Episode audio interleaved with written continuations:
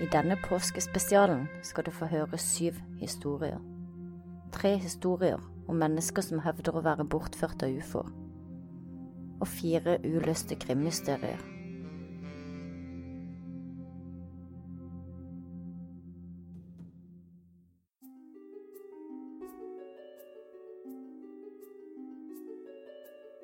Sett deg godt til rette med noe godt i koppen og bli med inn i mystikk og mysteriers verden.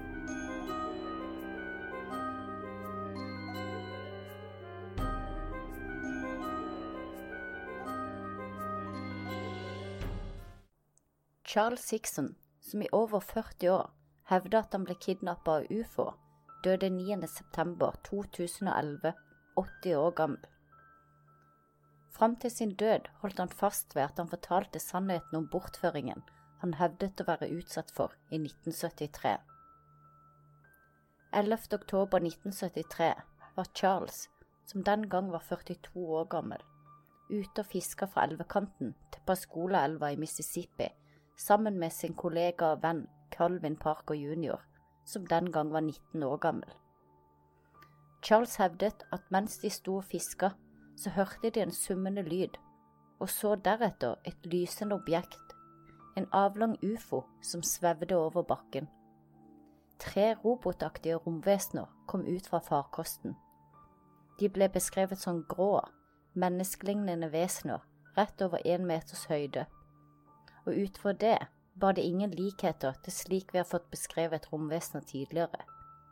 Romvesenene manglet nakke, de hadde kun tynne streker til øyne og munn.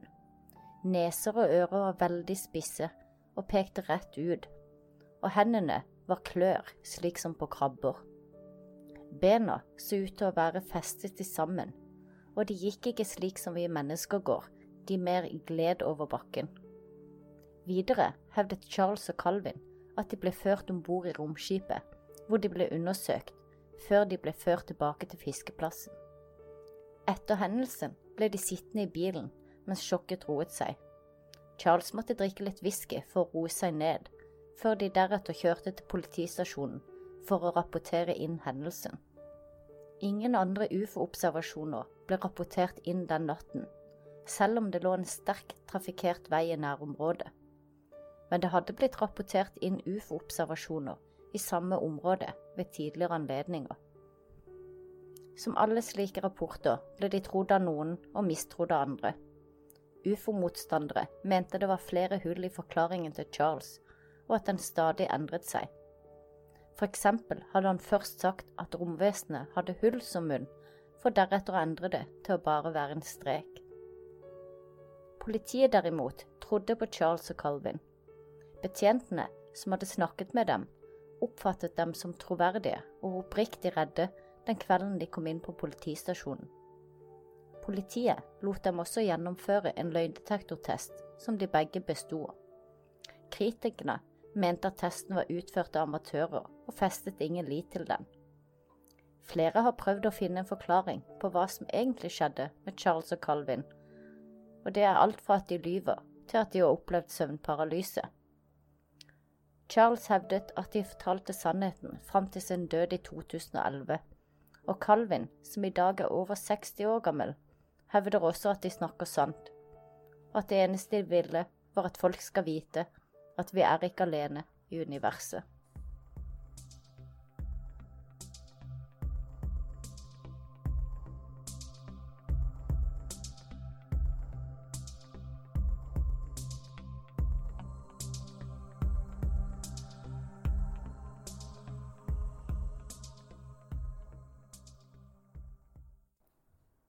Fran Dreschker, som noen av dere kanskje kjenner best fra TV-serien The Nanny, en populær amerikansk sitcom som gikk på norske TV-er på slutten av 90-tallet.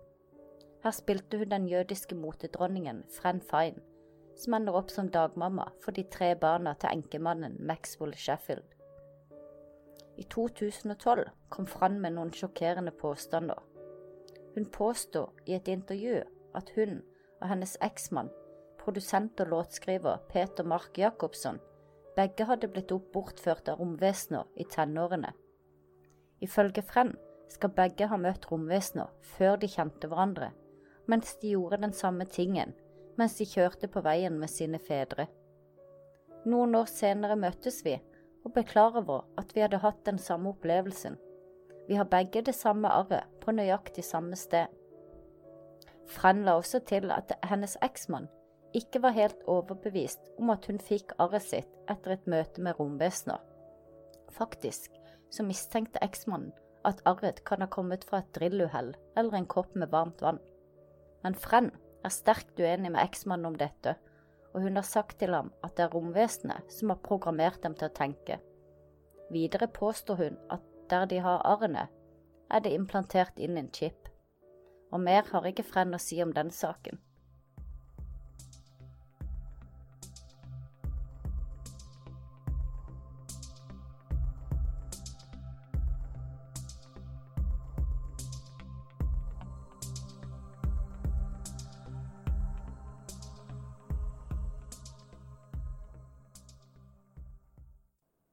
Den kanskje mest kjente historien om ufo-bortføringer er den om Travis Walton, som hevder at han ble bortført av romvesener i fem dager. Og ingen har ennå klart å motbevise historien hans. Selv ikke de mest hardbakka kritikerne har klart å finne bevis for at historien er oppspinn. Og i motsetning til mange andre ufo-bortføringshistorier har Travis seks vitner som bekrefter historien om at han ble bortført av en ufo en kveld i 1975. 5. november 1975 var Travis Walton og seks andre skogsarbeidere på vei hjem etter en tømmerjobb i Arizonas skoger da de så en flyvende tallerken. Mike Rogers, en av skogsarbeiderne, beskrev senere objektet som et flatt, lysende objekt. Travis hadde gått ut av bilen og mot fartøyet for å se nærmere på det. Da hadde en blå stråle kommet ut av fartøyet og slått Travis i bakken. Skogsarbeiderne ble så redde og sjokkerte at de kjørte av gårde uten Travis. Men etter noen få minutter kjørte de tilbake igjen til stedet, men da var både fartøyet og Travis borte. Travis beskrev senere lysstrålen som traff ham, som en strøm av energi. Han fortalte at han gikk ut for å se på fartøyet av ren nysgjerrighet og fascinasjon men da han kom nærmere, så ble lyden plutselig høyere, og romskipet begynte å bevege seg. Han fortalte at han prøvde å hoppe vekk og løpe mot bilen, og det var da lysstrålen traff ham. Etter at han ble truffet, ble han nummen i hele kroppen. Han tror det var en slags elektrisk energi som traff han, uten at han kan vite det med sikkerhet. Når Travis våkna opp etter bortføringen, trodde han først at han var blitt frakta til sykehus. Jeg så et lys over meg og hørte bevegelser rundt meg. Men så oppdaget han at tre vesener med brune, store pupiller sto og stirra på ham, og det var da han forsto at han var på romskipet. Travis sier han fikk full panikk og prøvde å slåss med vesenene, som var rundt én meter høye, med marshmallow-farga hud.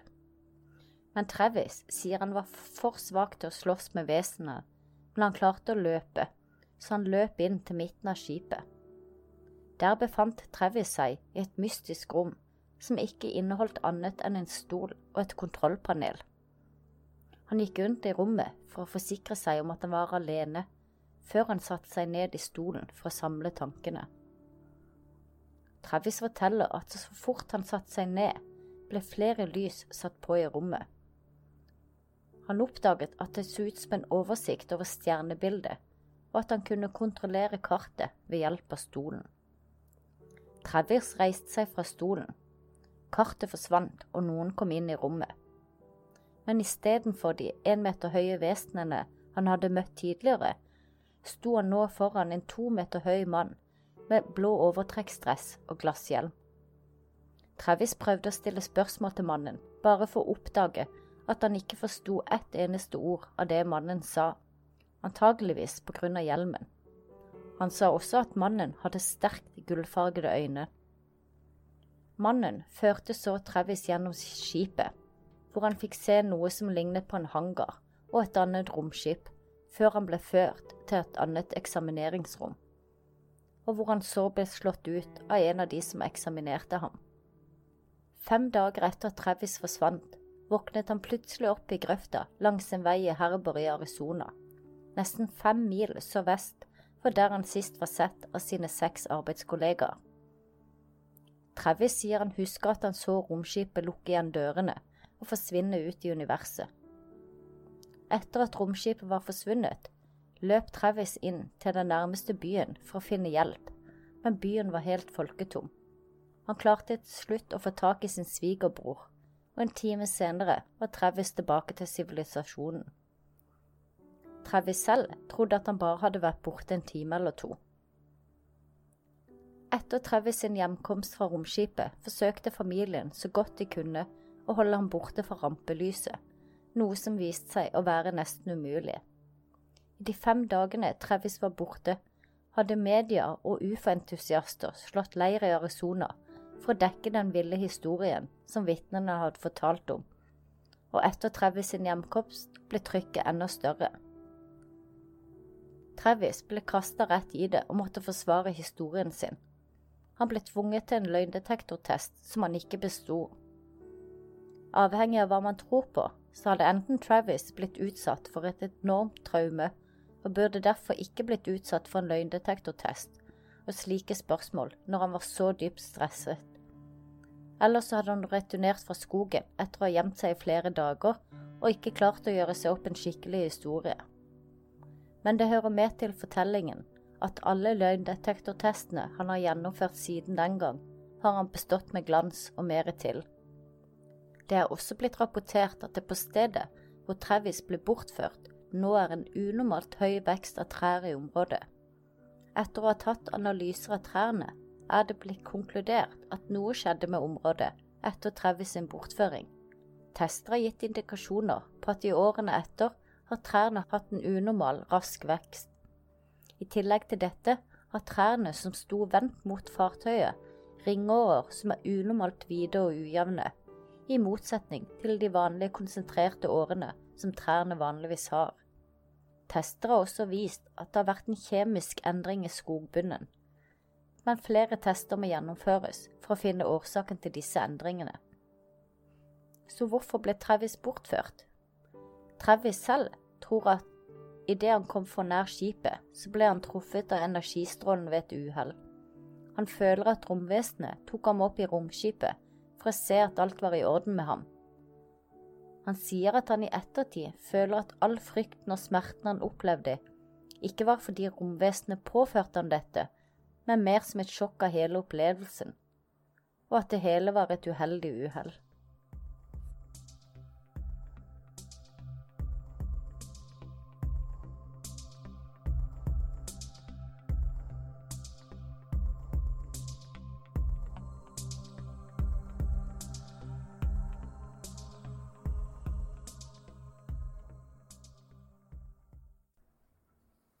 stemmen i telefonen. Dorothy Scott var en 32 år gammel enslig mor som hadde begynt å lære seg karate, og som vurderte å kjøpe seg en pistol etter å ha blitt truet flere ganger over telefonen av en anonym innringer. Innringeren fortalte hvor mye han elsket henne, og så fortalte han om en forferdelig vold med fryktelige detaljer som han ønsket å påføre henne. Personen kom også med mange detaljer fra hennes dagligliv, ting han kun kunne visst om han fulgte etter henne hele dagen. En maikveld i 1980, etter å ha kjørt en kollega til sykehuset, forsvant Dorothy for å kjøre bilen frem. Kollegaen hennes så kort tid etterpå at bilen hennes kjørte vekk fra parkeringsplassen i høy hastighet. Flere timer senere, og mange mil fra der hun sist ble sett, ble bilen hennes funnet i full fyr stående i en bakgate, men det var ingen spor etter Dorothy.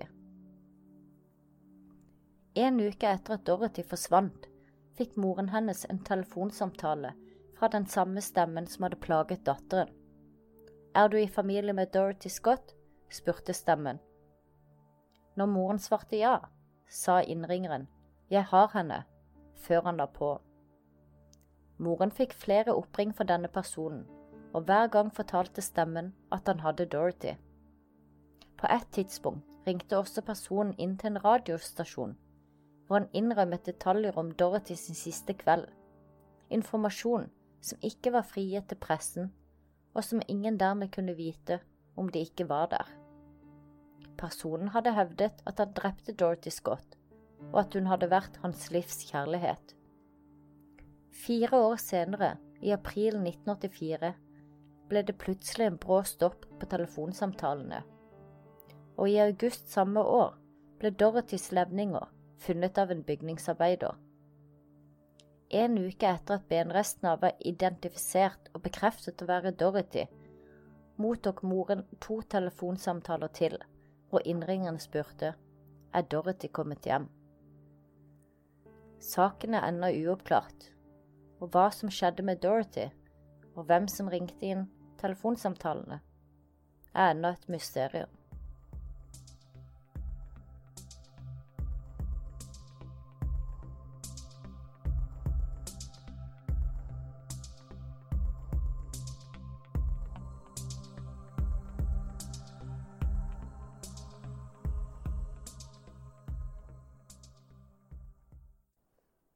Sodder-familiens husbrann. Julaften 1945 forsvant Sodder-familiens hjem opp i flammer. Begge foreldrene og fire av parets barn klarte å komme seg ut av det brennende huset, men de hadde ni barn, og fem av dem var fremdeles igjen i huset. Barnas far Georg prøvde å redde barna sine, men ble forhindret i sine forsøk. Telefonen deres virket ikke, så et av de andre barna måtte løpe til naboen for å få ringt til politiet og brannvesenet. Og Georg sin stige var borte fra sin vante plass, og bilen hans virket ikke.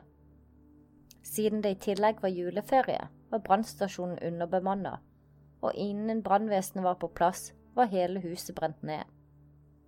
Myndighetene fastslo at en elektrisk feil var årsaken til brannen, dette på tross av at Georg nylig hadde fått installert nye elektriske ledninger, og det lokale elektrisitetsfirmaet bekreftet at huset var trygt. Men aller merkeligst er det at det ikke ble funnet noen levninger i huset etter de fem andre barna. Etterforskerne antydet at brannen hadde vært så varm at kroppene og bena ble helt oppbrent. Men det var andre ting som overlevde brannen, så at man ikke skulle finne noen benrester etter fem personer, virket veldig usannsynlig. Omstendighetene som ledet opp til brannen, gjorde mysteriet enda mer mystisk. Georg, som var en høylytt lokal kritiker av den italienske diktatoren Benito Mussolini, møtte en del motstand av det lokale italienske samfunnet. Dagene før husbrannen hadde Sodder-familien besøk av to menn Først av en mann som solgte livsforsikring, og deretter av en mann som var på leting etter arbeid.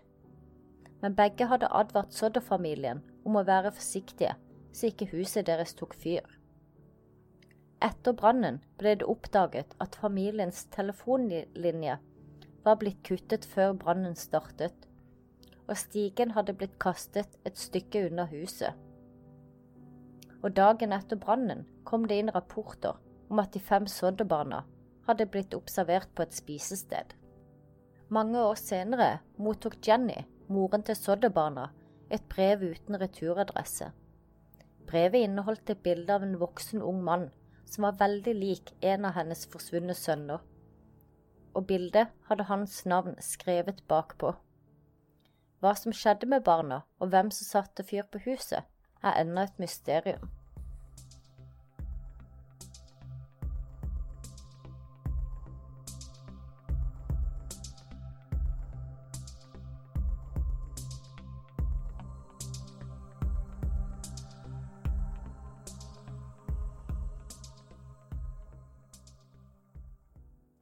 Amy Lynn. 23 år gamle Amy Lynn Bradley reiste i mars 1998 av gårde på cruise med sin bror og sine foreldre. De reiste med Royal Caribbean cruiseskip. Skipet hadde forlatt havnen i Aruba og var på vei til Nederland når Amy forsvant. Familien kritiserte Royal Caribbean for å ikke ta forsvinningen seriøst nok i starten, og dermed ble letingen etter Amy satt i gang altfor sent. De følte også at cruiseselskapet forsøkte å beskytte seg selv istedenfor å bistå familien.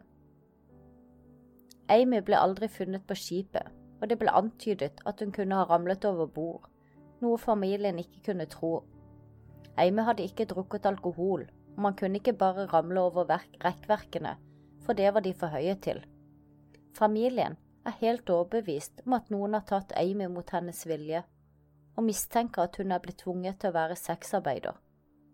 Før Amy forsvant, var det flere tilfeller hvor besetningen på cruiseskipet hadde gitt Amy ekstra oppmerksomhet. I 1999 hevdet en amerikansk sjømann at han hadde snakket med Amy på et bordell, at hun hadde tryglet om hjelp og fortalt at hun ikke fikk lov til å forlate plassen. Noen år etter at Amy forsvant, kom noen over et bilde på en sexside av en kvinne som har sterke likhetstrekk med Amy, og familien er overbevist om at bildet er av henne. Men Amy er enda ikke funnet, og FBI har utlovet en dusør på 25 000 dollar for informasjon som kan føre til en oppklaring av saken.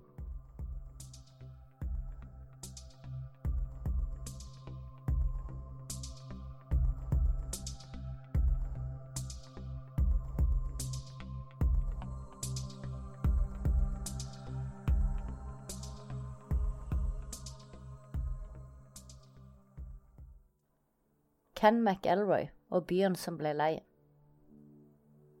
Ken bodde i den lille byen Skidmore i Missouri. Hele byen hatet mannen, som var beskyldt for tyveri, vold, pedofili og flere andre lovbrudd. Ken var kjent for å være en mobber og en plager. Men på et eller annet vis klarte Ken alltid å lure loven, og endte aldri opp i fengsel.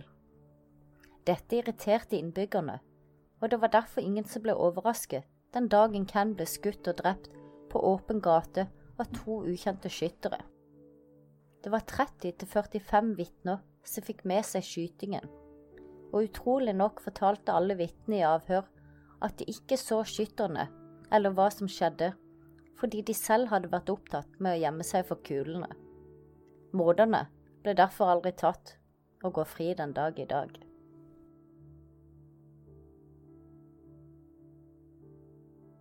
Takk for at du lytta til Mystikk og mysteriet sin podkast. Hvis du likte det du hørte, må du gjerne like og dele og rate podkasten. Har du en historie du ønsker å dele, eller en historie du ønsker vi skal prate om på podkasten? Send inn ditt forslag til mye og mye at hotmail.com. Da ønsker vi med dette alle våre lyttere en riktig god påske.